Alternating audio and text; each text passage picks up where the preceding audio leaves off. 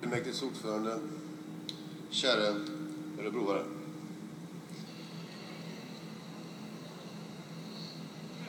Förlåt, Arboga.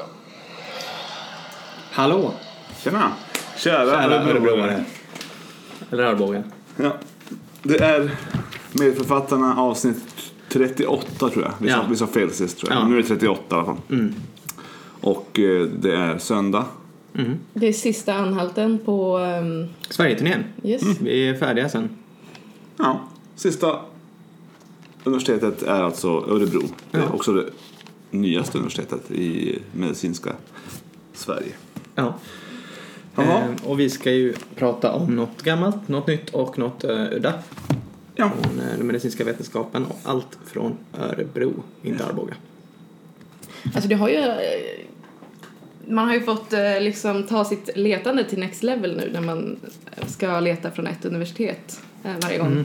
Så det har varit nyttigt, Ja. tycker jag. Men eh, Ja, det har varit en utmaning. Det är både lättare och svårare ja. Att hitta något från ett ett och samma ställe. Men det är ju kanske svårast att hitta liksom något udda ifrån just Örebro eller något nytt ifrån. Mm. Det är ganska sällan man gör den uppdelningen annars. Ja. Eller man behöver söka fram någonting från Ja, ett men, specifikt men lärosäte. precis, udda saker hittar man ju alltid. Mm. Var, om du får titta brett. Men just från Örebro så är det inte så att de har lagt upp någon. De har inte vunnit något Nobelpris än Mm. tror jag. Nej, alltså man får väl ändå se att det mesta som liksom matas ut från universiteten är väl ganska vanlig, hederlig tråkforskning. Sådär. precis. Men det ska man ha cred för också. Ja, absolut, och det får man ju. Ja, har det hänt något annat i era liv, Fredrik och Joe? Nej. Nej. Det är psyk. Jag, jag är på psyk, ja. Just det, jag har precis börjat på psyk. En vecka in på allmänpsykiatrisk avdelning. Och jag har forskningstid. Ja. Och du då? har du? det hänt något i ditt liv? Det har ju det, det var kanske därför jag ställer frågan. Så himla fiskande. Nej, men jag har ju fått AT då. Börjar nästa vår någon gång. Var då någonstans? Eh, Karlskrona, Blekinge. Grattis Blekinge. Så jag tänker att det kommer ju finnas ett litet fönster där typ april-maj någonstans när vi alla tre är AT-läkare. Ja. Och då ska vi göra en liten takeover då och bli AT-läkarna i två månader. Ja, vi kan. Vi lånar på den. Ja, Ja. precis. För de går ju vidare nu och gör allmänläkaren kan Ja. vi pinga för och tipsa alla att Precis. lyssna på. Men då kanske vi snor äh, AT-läkarna. Men det namnet i en månad. precis. Två avsnitt och sen hoppar vi tillbaka till Meffe. Ja, ja. Men eh, ja, ja, det med det vi. sagt. Men nu ska vi till Örebro. Ja, gammalt från Örebro.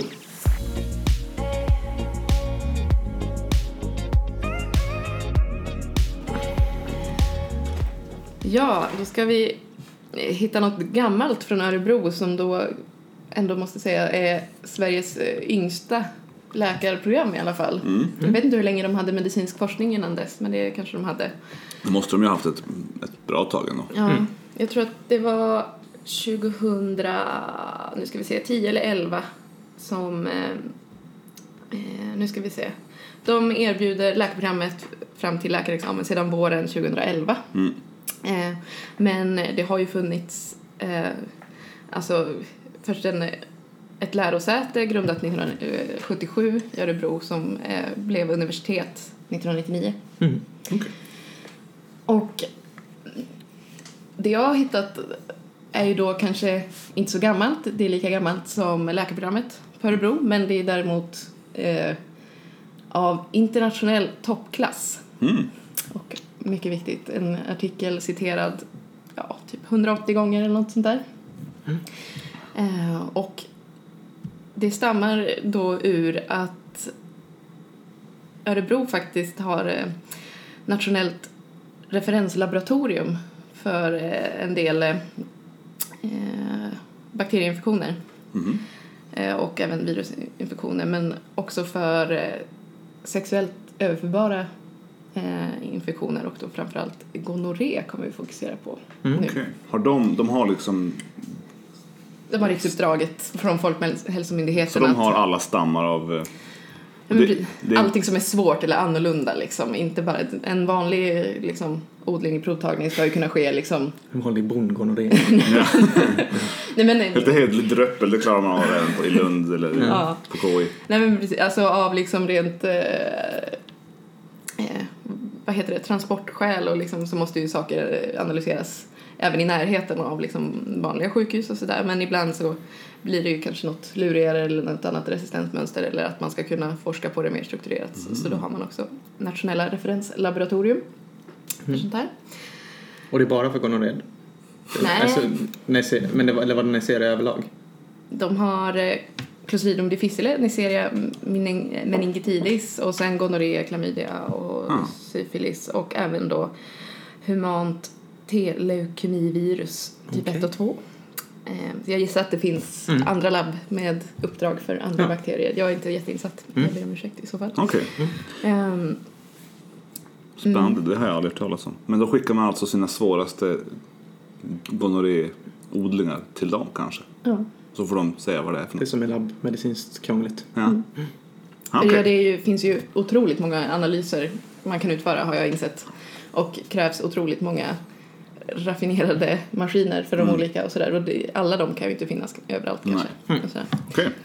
Ja, och eh, studien jag ska utgå ifrån här eh, publicerades i eh, Antimicrobe Agents Chemotherapy. Jag gissar att det är Antimicrobial Agents Chemotherapy, kanske tidningen heter. 2011 i alla fall var den publicerad i juli. Eh, och den heter Is Neisseria gonorrhea initiating a future era of untreatable gonorrhea? Detailed character... Hur säger man det? Characteristics. Char- characterization. Characterization. Det är ett K först alltså. Characterization. Ja. Okej. Never mind. Of the first strain with high level resistance to ceftriaxon. Eh, och det här är då ett samarbete mellan eh, eh, japanska eh, forskare från National Institute of Infectious Disease i Tokyo eh, och då eh, det här laboratoriet i Örebro. M. Onishi är första namn men sen har vi Daniel Golparian som andra namn och en, nu ska vi se här, en doktor eh, gissar jag, Unemo som sista namn som också är från Örebro. Ehm, och eh, ja, i vilken ände ska vi börja tycker ni? Ska jag berätta mer om gonorré eller ska jag berätta mer om eh, den här historien kring artikeln? Jag berättar mer om gonorré. Berätta mer om gonorré. Mm. Mm. Eh, gonorré blev ju först eh, beskrivet i slutet av 1800-talet av eh, eh, Nisser, hur man nu uttalar det. Heter eh, mannen. Mhm. Eh, Därav namnet på bakterien då. precis. Neisseria. Neisseria. Mm. Och det finns 11 Neisseria-bakterier tror jag, men bara två är då humanpatogena. Okej. Och det är då meningokockerna och de här gonokockerna. Eh, Neisseria gonorré är ju en eh, gramnegativ bakterie som gillar att para ihop sig två och två i diplokocker. Och eh, eh, är väl främst känt då för att det ger eh, urogenitala eh, ja, besvär och eh, kan, man kan ju även då drabba analt och eh, faryngealt, alltså i halsen och i ändtarmen och, i, eh, och även ge eh, konjunktivit i ögonen. Då. Mm. Ehm, och i början så hade man lite svårt att diffa gonorré från syfilis för ofta hade man ju kanske eh, sam, de är samvarierade och sådär. Men eh, till sist kom man fram till att de var olika och det var ganska tveksam forskning där man liksom inokulerade folk i- på stor skala med eh, liksom var från eh, uretra av smittade män och sådär. Oj. Mm.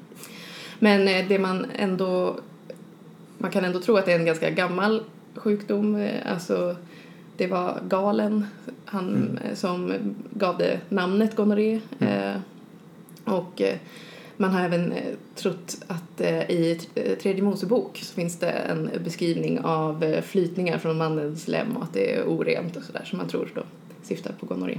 Mhm. Eller klamydia kan det ju vara. Men Ga- gammalt och viktigt. gammalt och viktigt där i alla fall. Ja. Ja men det var lite mer ja. eh, kuriosa. Och sen kommer man ju då... Först börjar man kunna behandla det lite med sulfapreparat och sen på 40-talet, när vad då kom i stor skala, Penicillin. penicillin, Mm. så fungerade det jätte, jättebra att behandla eh, gonorré med det. Ehm, och det är ju viktigt att kunna behandla gonorré för att det kan ju eh, man har ju dels de här besvären med, eh, ja men männen får liksom ofta flytningar och eh, miktionssveda och sådär. Kvinnor kan ju väl i ungefär hälften av fallen vara eh, asymptomatiska men det kan ändå leda till långtidskomplikationer som eh, infertilitet och högre risk för eh, eh, ett extrauterin graviditet när man har då fått inflammation i hela bäckenet och sådär. Och epididymit hos männen som långtidskomplikation och lite ökad risk för prostatacancer och sådär. Det är ju allmänt tråkigt om man inte hittar det. Och sen på 70-talet började ju då tyvärr den utvecklingen som vi nu ska ägna oss åt med eh, helt plötsligt fanns det en stor resistens mot eh, vanliga penicilliner och man fick gå över och behandla med, med makrolider och kinoloner och sådär och successivt så har resistensen bara ökat och eh, sist fick man gå över till att vara förstahandsbehandling med cefalosporiner eh, Mm. helt enkelt som det nu gäller. Kan ni det? Vad förstahandsbehandlingen för eh, gonorré är? Nej. Aldrig eh, gett någon behandling. Är det ceftriaxon? Det är Ceftriaxon. Nej, men det, och det ges ju bara på eh, venerologiska kliniker Mm. ska det egentligen skötas på. Då. IV då? Ja, eh, intramuskulärt tror jag.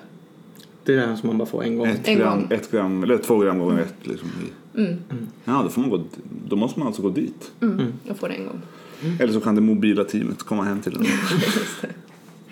Ehm, men det gör det ju lite mer komplext att man inte bör, kan tablettbehandla det längre riktigt. Ehm, och även om det bara är en engångsinjektion så har man också nu de senaste guidelines, även om det inte står på internetmedicin så verkar det vara i Europa gälla att man också ska ta acitromycin, en tablett också. Mm. Och sen finns eh, streptomycin eller vad det heter, eller någon aminoglykosidvariant om man nu skulle vara riktigt eh, penicillinallergisk. Men med det, den kunskapen i botten då så går vi in i den här Artikeln. artikeln. Ehm, det började egentligen med att man ehm, i Japan hade i halsen på en sexarbetande kvinna funnit eh, en ny stam av eh, gonorré Mm. som man av någon anledning då genotypade och eh, resistens eh, bestämde och såg att den var väldigt resistent mot ceftriaxon. Eh, tyvärr var det ingen, man hade inte så mycket follow-up, man vet inte hur det gick eh, två veckor efter Mm. eh, behandlingsförsöket då, så det var ju inte den första liksom kliniska failure to treat liksom. Mm. Men eh, de, de reagerade ändå på att den här var annorlunda och de kallade den eh, gonorré H041. Mm. Eh, och när de såg att den här var så resistent så gick de ut och bad om hjälp gissar jag och så fick de kontakt med de här i Örebro och så bestämde de sig för att eh, verkligen köra alla tester man kan för att hitta vad är det som gör att den här har, är så otroligt mycket mer resistent mot ceftriaxon än de vanliga. Mm.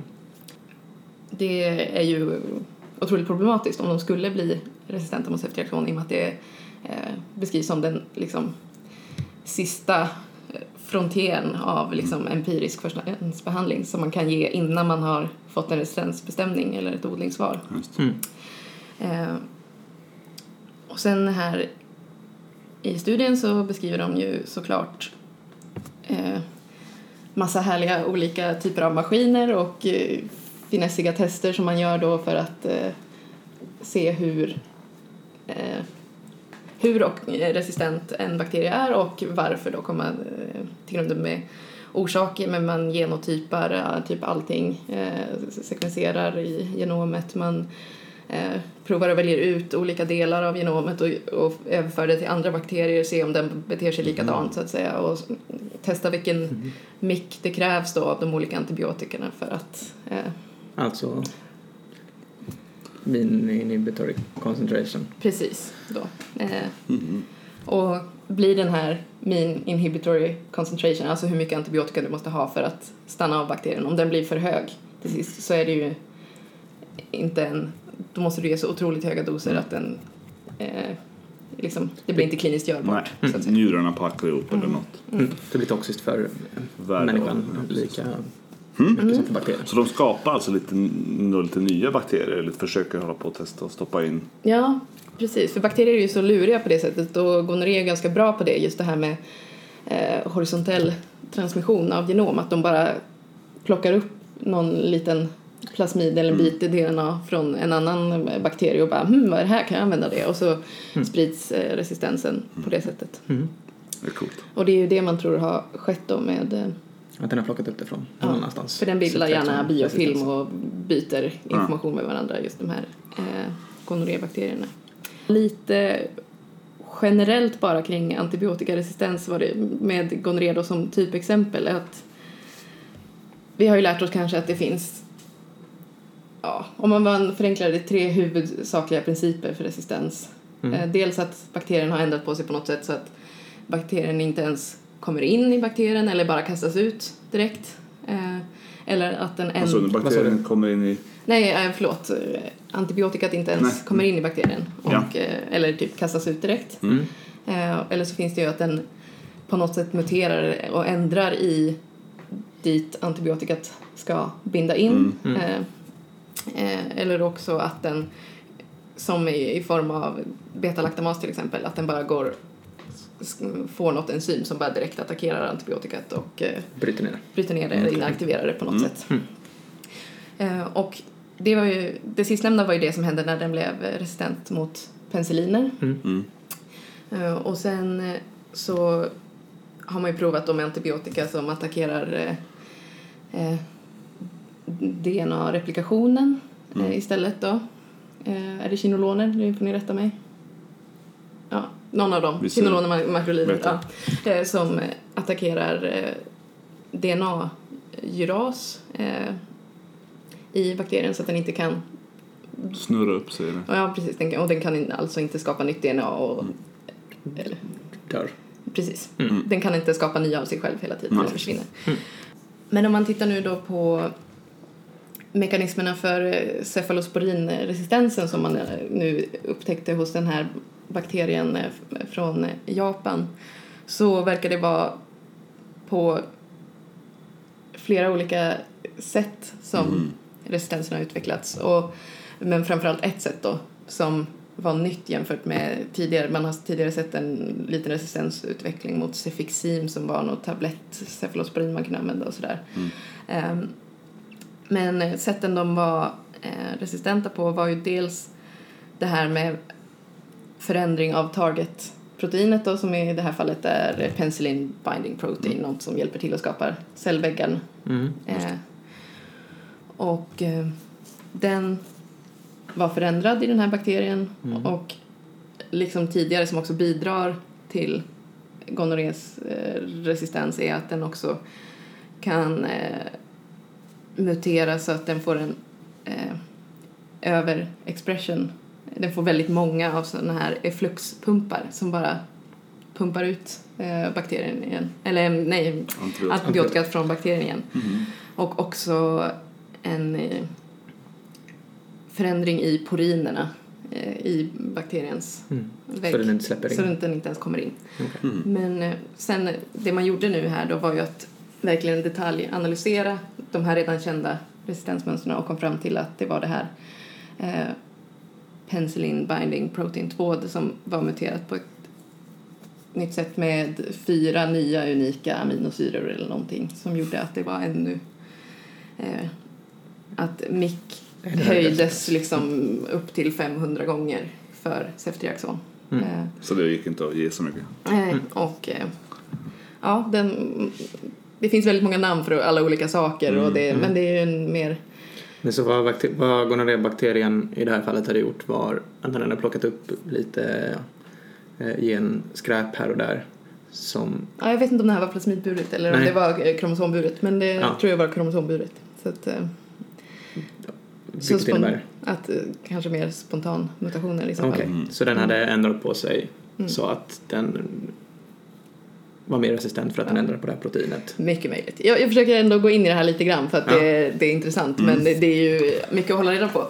Eh, och det man ändå får trycka på med här just är ju att eh, det är en lurig bakterie och tyvärr är det då också en bakterie och en infektion och en sjukdom associerad med skam och det är verkligen inte optimalt om man har en väldigt resistent bakterie därför att det här kräver ju att man ännu mer drar ut det här i ljuset på något sätt och att man eh, att man måste smittspåra, man måste se till när, om man har, tror att man har sådana här symptom, man måste testa och man måste dessutom besöka en sån här specialenhet för att få behandlingen. Eh, Varje dag dessutom.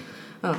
Nej, det här är ju det är en engångsbehandling eh, behandling, så att man, det räcker med att komma dit men sen ska man ju också kontrollodla och sådär så det blir ju lite Ja, man ger bara ett, Ja. ett skott. ett skott. också. Så det är ju ändå trevligt men det har ju kommit många såna här hemtester men det jag inte hade så bra koll på var det som en grej som eh, eh, Forskning och framsteg en eh, Per Snaperud skriver om 2018 här är att det även erbjuds behandling liksom via såna här internetapotek från utomlands där man får ett recept från någon läkare i Rumänien med några tabletter som inte ens då är det är för låg dos och det är ju inte den standardiserade behandlingen och det blir ingen smittspårning och det där, där, där. Nej. Men det är klart om du Ja, jag tycker det är lite pinsamt här. Jag vill inte smittspåra. Jag kan jag inte bara få ta några tabletter så jag blir av med det här. Så. så det är ingen jättepositiv utveckling. För om man ser på 1990 så hade det varit ungefär 200 fall i Sverige. Eh, 2018 var det 2700. Av gonorré, Av gonorré. in- Inte, inte resistent gonorré. Nej, men i, Nej. Sverige. Så överlag så ökar det och de här superfallen har ju nu den första liksom vad heter det, kliniska behandlings Svikten. ja, misslyckandet Det var 2016 men man eh, i Storbritannien som hade snappat upp det på eh, en resa till Sydostasien där han haft en tillfällig sexuell kontakt och sen har det även konfirmerats fall i Australien 2018 och sådär. För jag minns ju från utbildningen, jag är från Leeds. Och jag Ja. minns ju att från utbildningen 2015 så var det ett, eh, det annonserades som ett eh, utbrott av supergonorré i Leeds. Med typ 12 smittade eller någonting. Frågan är om det var riktig supergonorré, ja, om det var den här Ja, sortens precis. eller vad det var. Eller det var halvsuper. Ja. Halvsuper. Ja. Ja. Ja. men det är lite svårt att, om man googlar supergonorré så får man väldigt många träffar. Jag tycker det är lite svårt att följa epidemiologin men eh, eh, det har säkert eh, gänget i Örebro stenkoll på om man eh, vill veta mer. Precis. Ja, Okej. så då vet vi att de kan mycket om gonorré. Mm. Och andra könssjukdomar i Örebro. Precis. Så om ni stöter på något riktigt klurigt fall så är det dit ni ska ringa. jag på. Så åker ni snabbt som attan till akuten i Örebro. Så får ni hjälp. Nej. Ja. Nej. Jo, det kan man göra. Ja. Det Ja, var väl eh, tack det. för det. Det var en, eh, en eh, vindlande resa. Ja, det var det Ja. eh, En djupdykning. ja. Vi går vidare till... Något nytt? Ja.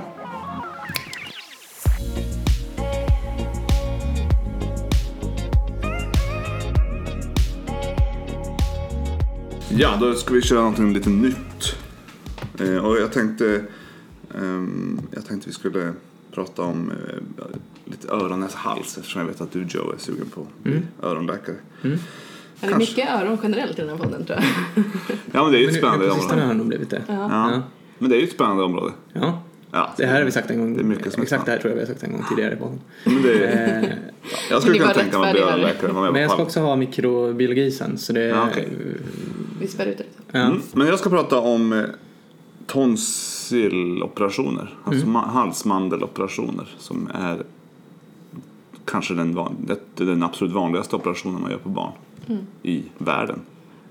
Jag vet inte om det är den- vanligaste men det är absolut upp, Up there. up there med Mm. den vanligaste. Jag tror faktiskt att det är den vanligaste. Ja. Eh, anledningen till att man gör, tons, man, man gör tonsillektomi, alltså man plockar bort tonsillerna, eller tonsillotomi, Man tar bort lite grann. man tar bort precis. En del, en del av En del. Ja. Eh, det, anledningen är oftast eh, att de har obstruktiv, eh, att alltså obstruktivitet, de snarkar och har problem med andningen. Mm. Eh, Och då tar man ofta bort, då gör man ofta en vanlig tonsillotomi och med eller utan sån adenoidotomi, alltså abrasio. Just det, ett ord. Så vi kan kalla det för abrasio, där man skrapar bort den här adenoiden som sitter bak i näsan, långt bak i näsan. Så. Just det, Eh. min eh, sån, eh, jag hade en sån under öronkursen, termin 9. Ja, Då såg man att den var fortfarande kvar på mig. ja okej, du hade den på dig själv alltså? Okej. Ja, vi gjorde Ja, alla har väl den, men sen så växer den till sig då på vissa Ja. barn och så kan den bli... Egentligen ska den försvinna på vuxna, men Ja. jag hade kvar min som 25-åring. Men till när jag hade valbar kurs termin 11 så hade den försvunnit. Så, så någonstans där Blev du vuxen? så blev jag vuxen. Ja, okej, så det är testet. Ehm, ja, så det är en anledning och då kan man ju både, både TT och TE. Vi kan kalla dem för det för enkelhets skull. Tonsilo... Tonsillotomi eller och tonsilloektomi. Mm. Precis. Eh, och eh, sen så kan man på grund av att man får mycket eh, infektioner, upprepade infektioner. Eller en halsböld. Ja, eller halsböld, vilket då är som nästa steg på en infektion. Alltså tons, tonsilliter. Så. Man, alla kan ju ha en tonsillit någon gång, men vissa barn och unga vuxna har ju det kanske hela tiden, mer eller mindre kroniskt. Då brukar man göra, och då brukar man ta bort dem helt och hållet. Så en. TE, tonsilektomi. Så, Ja, det eh, tog ett tag för mig att reda ut det här, men nu var det glasklart. Ja, så eh, det, vi, det jag tänkte prata om är en studie som är ifrån eh, gissa var, Örebro såklart. Som är skriven av en, eh, första namnet är en, en forskare som heter Fredrik Alm. Som precis eh, har fått något pris såg jag av drottning Silvia för sina, sin forskning i, på det här området. Just. Eh, hon gillar ju barnsjukvård. Hon har ju sitt drottning Silvias sjukhus och så. Är det Göteborg? Eller? Ja, jag tror det. Ja, jo. Okej. Ja, Sahlgrenska. Eh, alltså den här studien eh, handlar om, den kom för eh, två år sedan. Drygt, 2017. Handlar om eh, helt enkelt hur eh, smärt, hur patienterna upplever smärtan efter de olika, de olika sätten att göra de här tonsillotomierna och tonsillektomierna. Det finns, det finns också, man kan ju göra det med kalla eller varma, kall eller varmt sätt och så. så. Så Cold att- steel. Cold steel eller om man kör med brännande bipolär. Eh, Bipolär, heter det så? Ja, man, Jag eh, man känns- skär bort Ja, med någon sorts Bipolar. elektricitet. Precis. Och Jag då, tänkte att jag var på psykiatrin och bara bipolär heter det. Gör det faktiskt. Ja, Eh, precis. Så det, kan, det kalla är då bara med instrument skära Skära. bort cold steel och det varma är att bränna. Precis. det finns något, man har säkert tittat på det också, att det ska vara någon skillnad om man blöder mycket efter eller inte med Precis. varm. Men nu, nu är det mer Ja, Smärta. och eh, förr, förr i tiden, så här på 50-talet kanske, så, eh, eller före 50-talet, för på 50-talet ändrade man, på före 50-talet så gjorde man det, eh, använde man en liten tonsillotom. En, eh, en giljotin. Som man bara satte ungen sittande i en stol, man satt kanske och höll i ungen, jag vet inte, så gav man dem ett eterrus. Och sen så tog man väl bort etern då för att komma åt eh, luftvägen, eller komma åt halsmanden. Så körde man in, tältade upp den här tonsillen, alltså man medialiserade den, tog tag i den och drog ut den.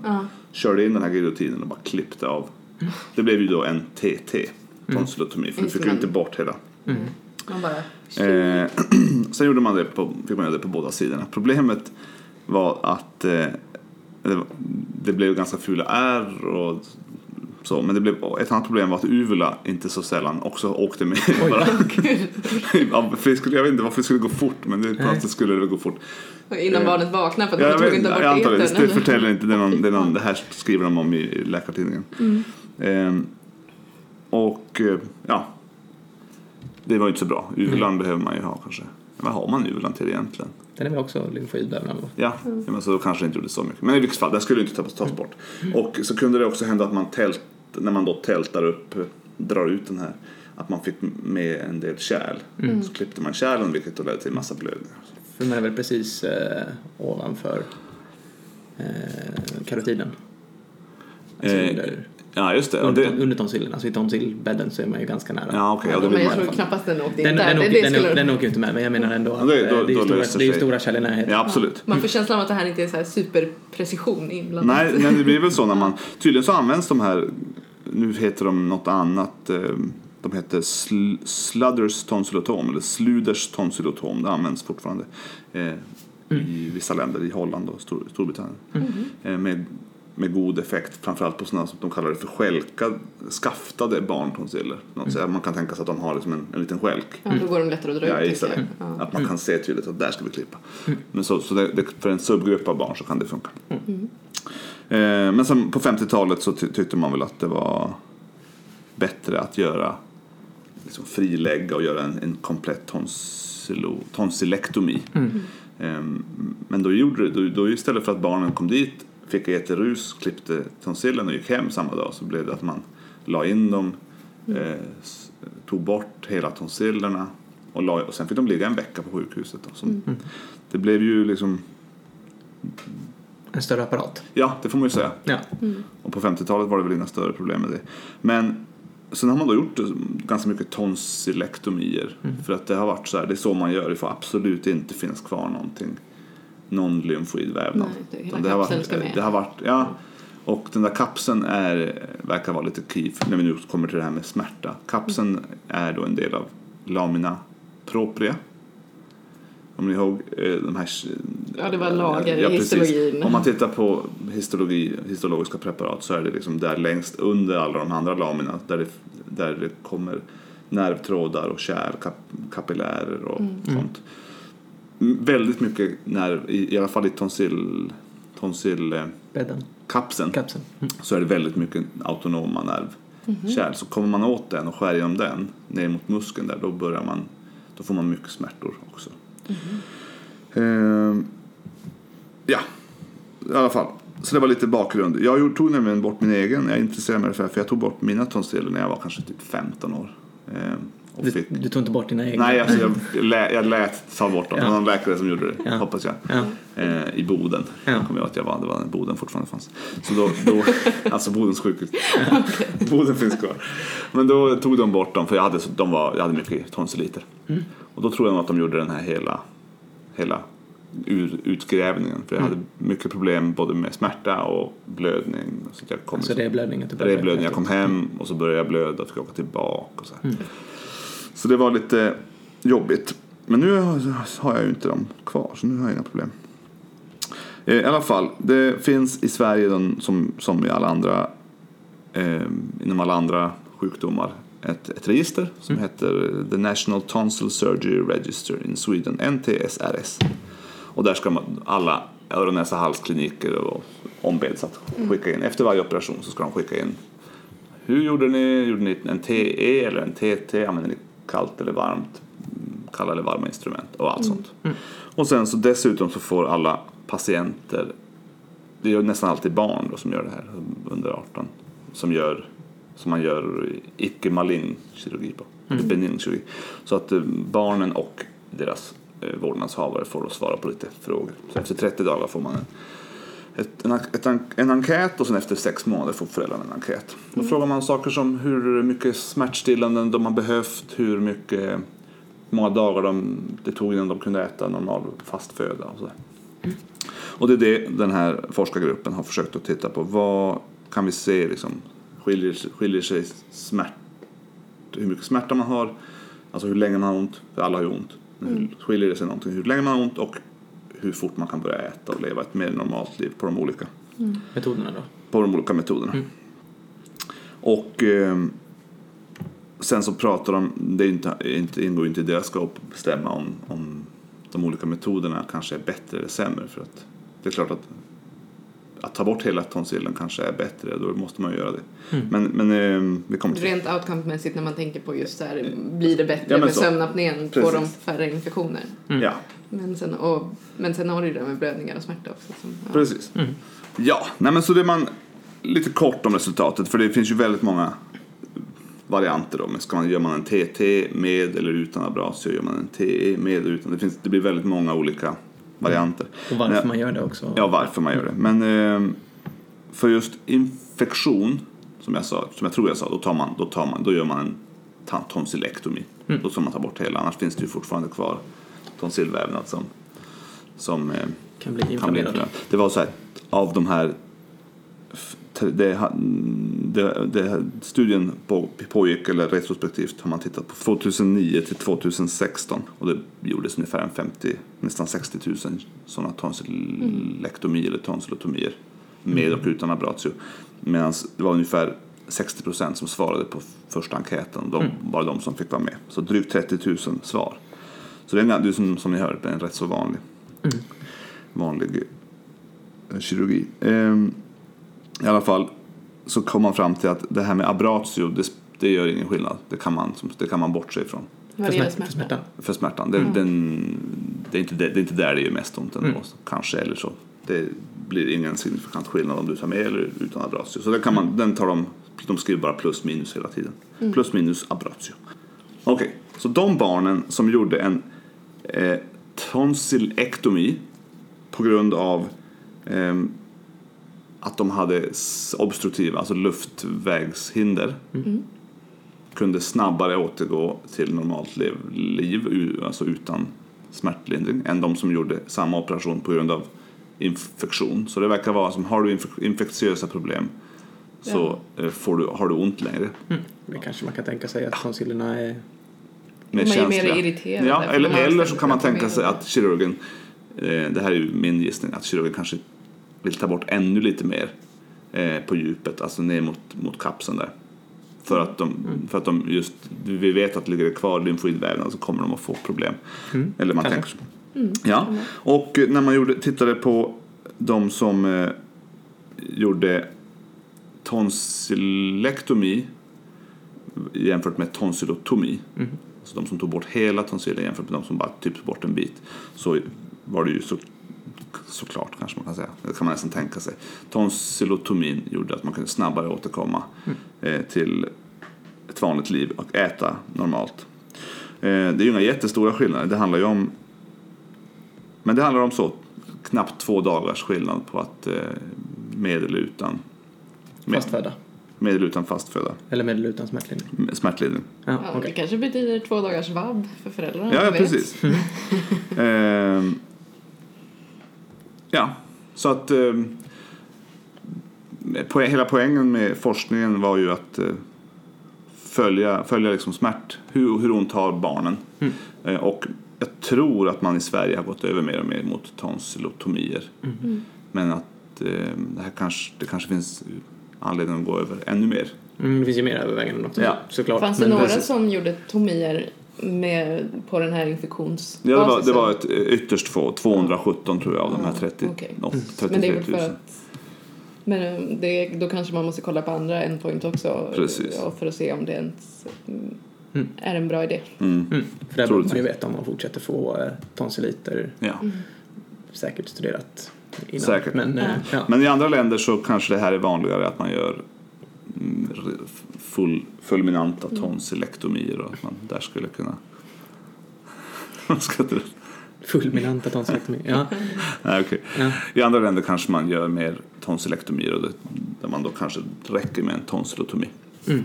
Men det är ju superbra med det här registret just i och med att också det finns så många olika sätt och approacher och jag menar i Stockholm så tror jag det är om det inte liksom finns någon komplicerande faktor så går det här till vårdvalet. Alltså du ska själv välja någonstans vart du tycker att det är bra att göra det på stan. Liksom. Mm. Eh, och då behöver man ju ganska strikta, tänker jag, eh, uppföljningssystem så att man ser att eh, ja, men, det här stället i Skärholmen och det här stället eh, vid Odenplan och det här stället vid Globen spelar ingen roll Nej. eh, nu. Utan, För annars blir det ju en ganska, det där är ju en ganska svår situation också som jag var med på en under, eh, eh, under kursen också att ja, men man eh, får träffa en patient så- på Huddinge som vi gjorde och så kommer fram till att ändå kanske är rekommenderat och ind- indicerat med en operation. Och sen är det liksom, ja men då får du välja.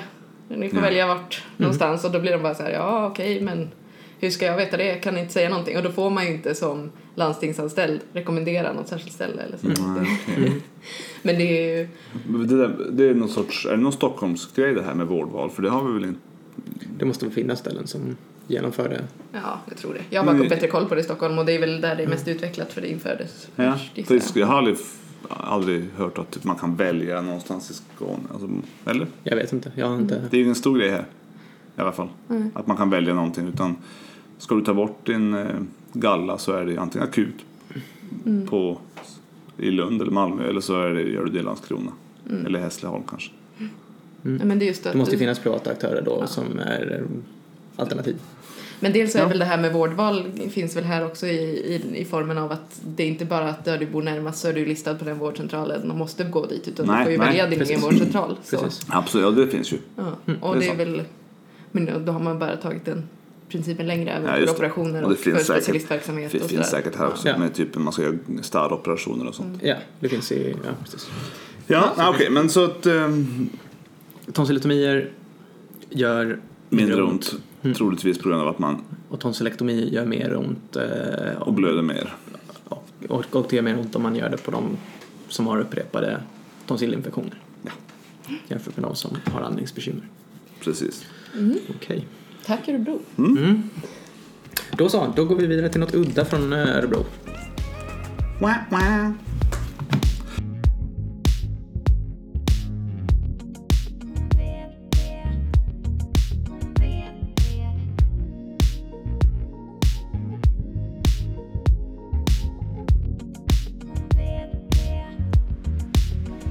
Då så. Ehm, Sist men Udda. inte minst.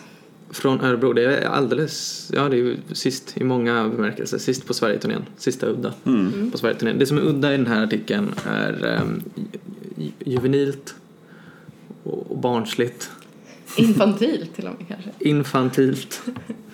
Det är också roligt. Jag kommer spara på den. Okej. Artikeln i sig handlar om hemofil- he- Haemophilus influenzae. En bakterie som orsakar Ja, Eh, lunginflammation. en, eh, vad heter den? Epiglottit. Ja, bland annat överluftvägsinfektioner, öroninflammationer, lunginflammationer, eh, också meningit. Just det. Inslag. Fast den gör väl det i mindre utsträckning nu Ja. sen vi började. Precis. Vaccinera. Men just den här handlar om lunginflammationer som är orsakade av bakterien Haemophilus influenzae. Ehm, när man tror att en lunginflammation beror på Haemophilus influenzae så behöver man ju kunna differentiera eh, bakterierna man hittar från andra arter av Haemophilus som man kanske har och är koloniserad med i luftvägarna. De bor där i vanliga fall eh, hos många Mm. eh, och kanske inte behöver orsaka sjukdom. Och då behöver man veta också vilka är det som orsakar sjukdom. Och då finns det ju vissa arter, till exempel då Haemophilus influenzae som oftare är sjukdomsalstrande. Men det finns massa andra som kanske oftare bara bor där Just det. i, i luftvägarna. Och Gör ingenting. någonting gör de säkert, men eh, Inte sjukdomar. Mm. Ja. Eh, Och den här är då eh, publicerad, eh, jag tror det var 2012 och andra författarna är Örebro men det är en i hu- huvudsakligen eh, från Uppsala men andra författarna är från Örebro. Mm. Ehm, Första namnet är Abdeldaim, så Abdeldaim et al. Och jag väntar med att förklara titeln också. Det ingår så att säga i den juvenila, udda grejen med den här artikeln. Okej. Eh, Men vad man försöker göra i den här eh, artikeln, som än så länge får vara utan namn, eh, är att eh, hitta ett sätt att göra PCR för att upptäcka sjukdomsalstrande hemophilus. Och PCR är ju en metod som går ganska snabbt där man amplifierar någon En liten del av en... liten del av eh, ett genom då från eh, bakterien för att ja, i grova ordalag försöka bestämma vad det är för, Mm.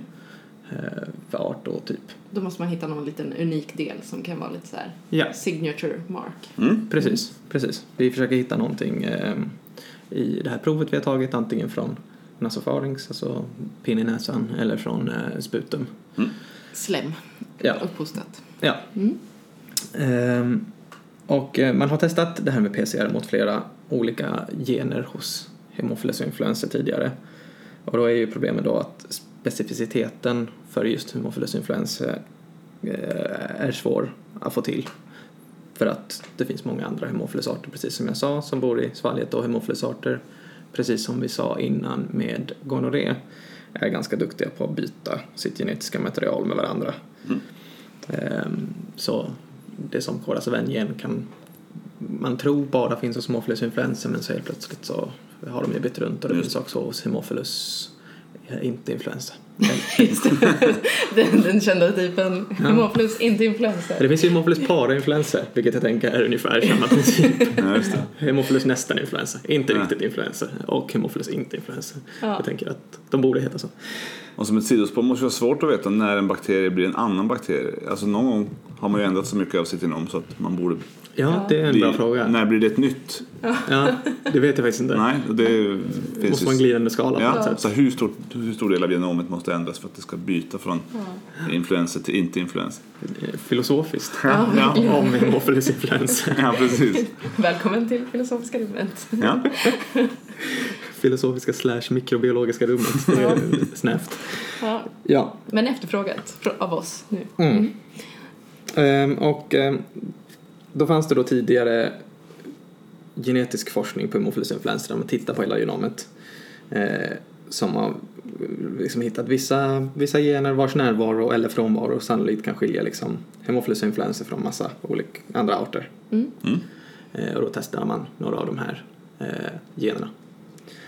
Eh, och det gör man då med kvantitativ PCR, alltså man räknar hur många kopior Mm. eh, man får fram också. Eftersom man då tror att en högre koncentration av Hemophilus influenza eh, i, i provet betyder att det är större chans att den är sjukdomsalstrande. Ja.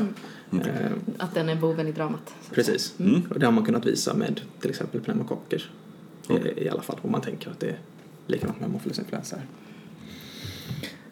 och så då testar man hos individer med eh, samhällsförvärvad lunginflammation. Eh, PCR mot MVC. Den får också vara utan namn för tillfället. Shit vad du bygger upp. ja, ja. Sån otrolig eh, cliffhanger här. Mm. Och så jämför man då den här, det här PCR-testet med odling som ju är det vanliga. Ja. Eh, en vanlig Som tar alldeles för lång tid. Det tar ju tid. Det gör ju det. Det är därför man vill ha någonting annat. Ja. Ehm, och då, bland de här individerna som hade pneumoni så var det ju såklart folk som hade andra bakterier. Pneumokocker och eh, Mycoplasma pneumoniae och Moraxella. Eh, så man hade ju liksom negativa folk som inte hade hemophilus med i den här gruppen också. Och så testade man även det här på friska kontroller för att se Ja. men hur ofta finns den här genen hos eh, eh, bakterier i svalget på folk som är friska. Just det. Och så tittar man också hur ofta finns den här genen i eh, svalget hos folk som har lunginflammation med en annan bakterie. Mm.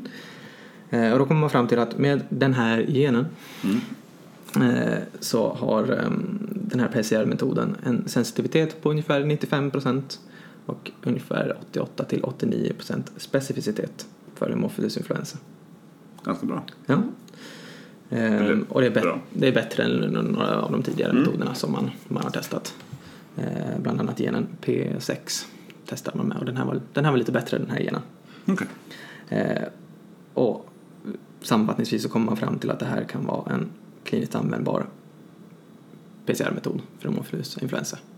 För att ta, helt enkelt köra en PCR på just den här genen, se eh, om den finns där så är det, Ja. då säger vi att där har du med stor sannolikhet eh, lunginflammation. Ja, och, Med eh, och den är förmodligen sjukdomsalstrande också Ja. eftersom man också kollar på koncentrationen. Ja. Och då har man ju en cut-off på x antal kopior, om det var 10 uppe till 5 eller någonting.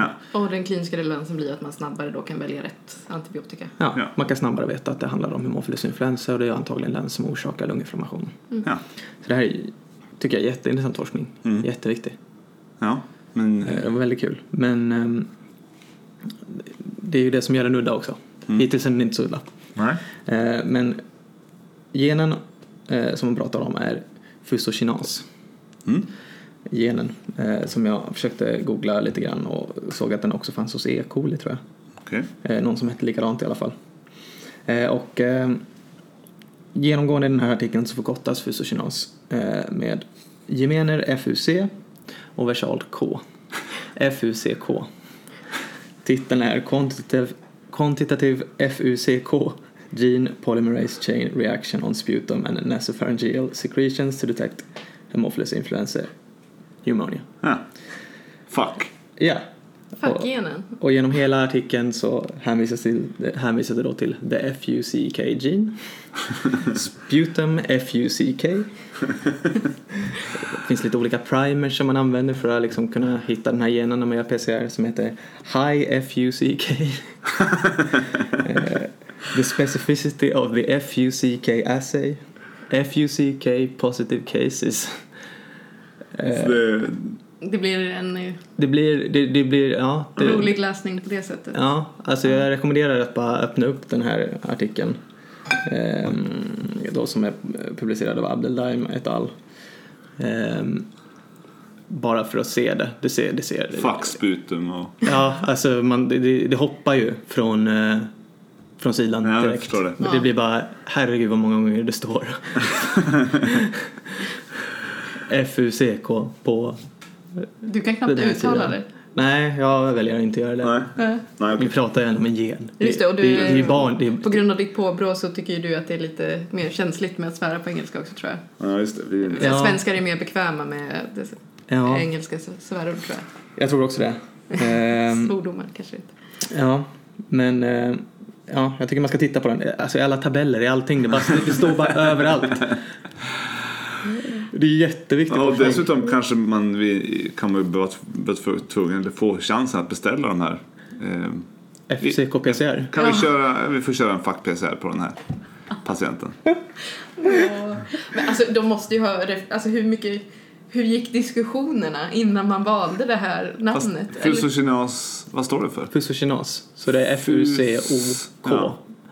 Alltså, jag tycker man hade kunnat komma runt det. Ja, ja de tyckte väl också Men någon måste ju ändå ha sagt go, nu vi väljer det här, vi kör. Ja. Eller, så finns det, eller så finns det en tydlig eh, standard för exakt hur man ska Mm. Namnge generna. Det är också möjligt. Det är inte omöjligt att det är. Mm. Och då är det ju lite Kinas ska vara stort K och så slår de tre första bokstäverna och så blir det så helt enkelt. Ja. Men det kan ju inte vara okunskap heller i och med att det engelska språket är De, de språket skrivit, som ska jag användas. antar att de har skrivit på engelska. Alltså så as far as obsceniteter går är väl det här det Ja. mest allmänt kända och grövsta. Okej, men så det här, så själva innehållet är inte alls udda utan Innehållet är inte så udda, men att öppna artikeln och titta Ja, på jag den är Mm. extremt udda. den poppar ut. Ja, det blir det, ja. Det är udda. Ja. När var den, när var den ja, publicerad? Den var publicerad eh, 2012 tror jag. Okej. Och det var i Journal of eh, nej, eh, Diagnostic Microbiology and Infectious Disease. 2013 var det. Är de ganska, är de, eh, eller får man bara känslan av det att Örebro är ganska in, inriktade på mikrobiologi och bakterier och sånt? Jag tror vi bara råkade Eller det var fastna bara- för det Vi, vi nu. föll ner i rabbit holet. Mm. Men jag funderade, när jag läste den här så funderade jag på namn som saker får Mm. i allmänhet. Eh, och tänkte hoppa vidare för jag såg i veckan en väldigt bra Twitter-tråd Mm. om läkemedelsnamn. Mhm. Och varför läkemedel heter som de heter. Okej. Från at AJV Farm. Så vi körde ett litet quiz. Mm. Eh, Någon Yeah. form av quiz där ni, där ni ska få spekulera. Varför heter heparin som det heter?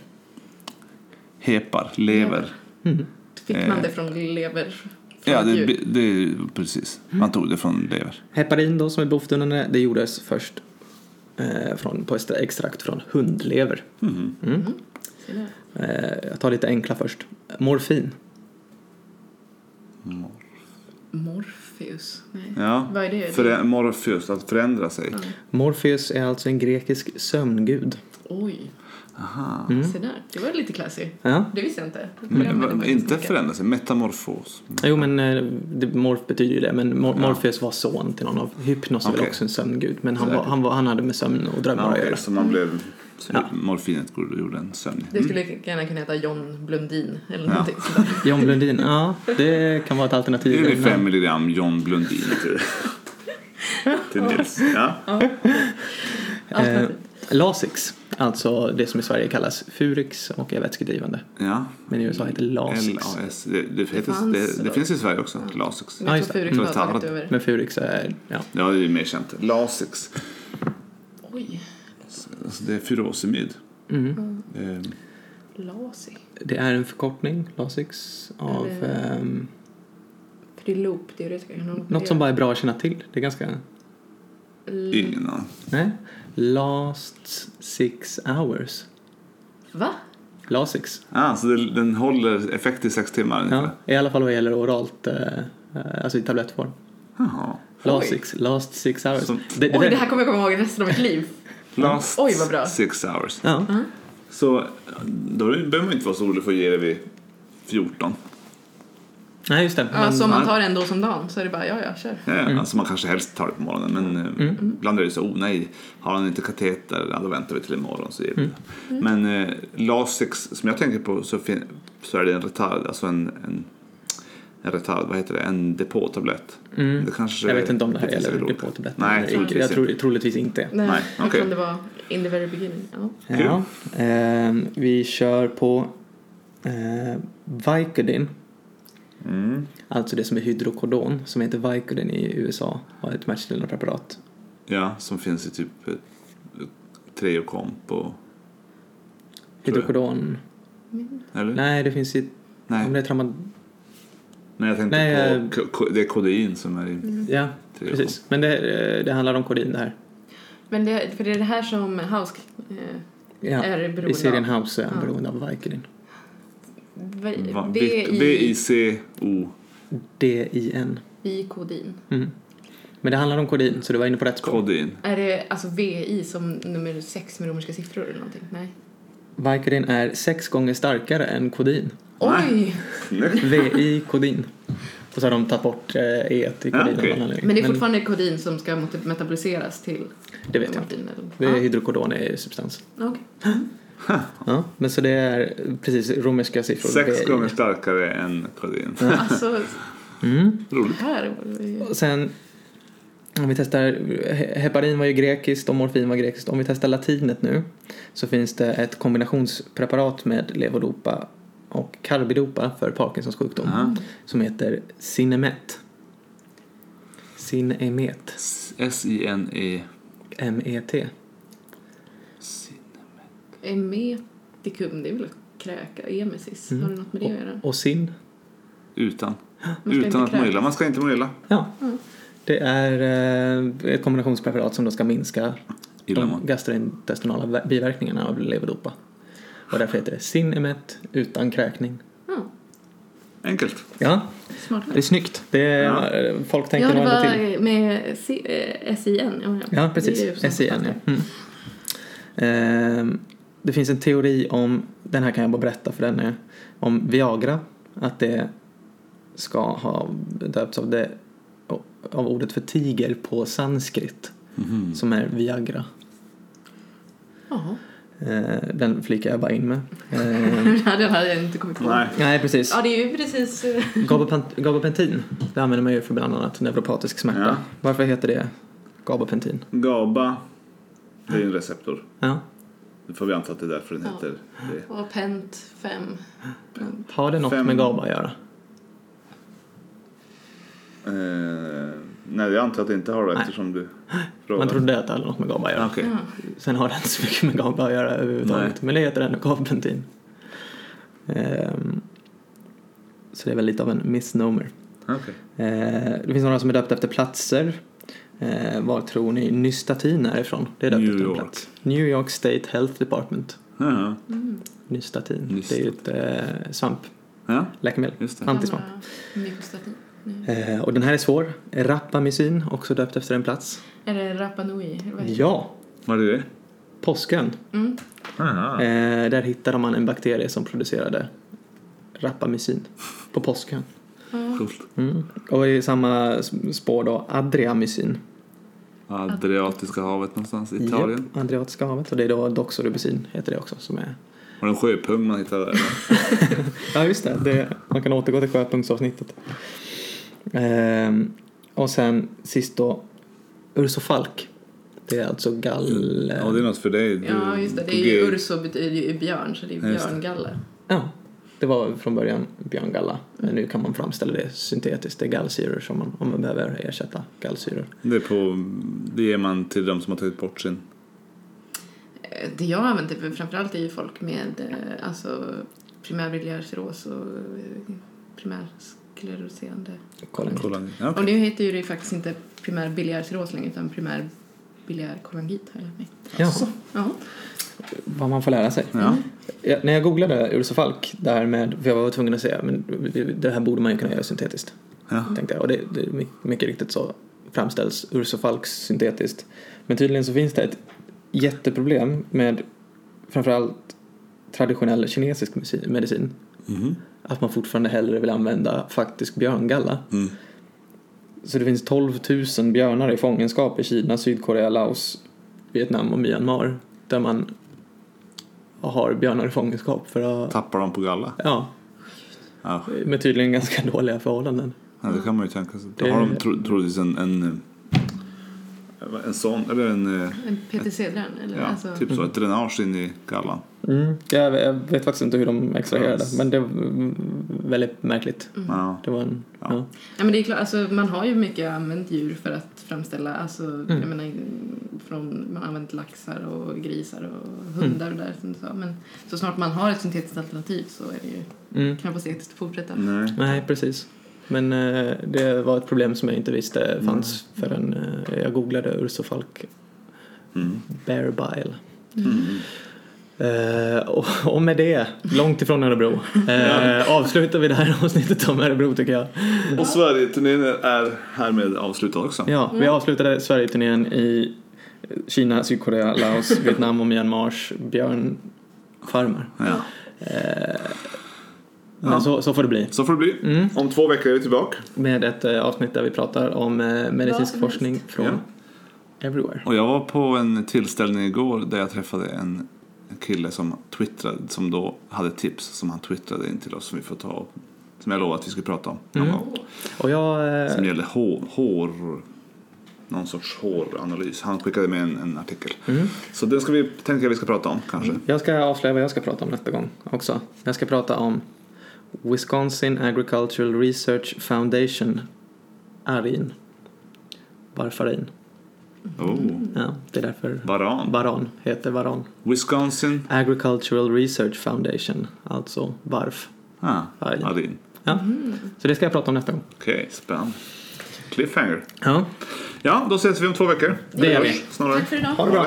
Hej. Bye.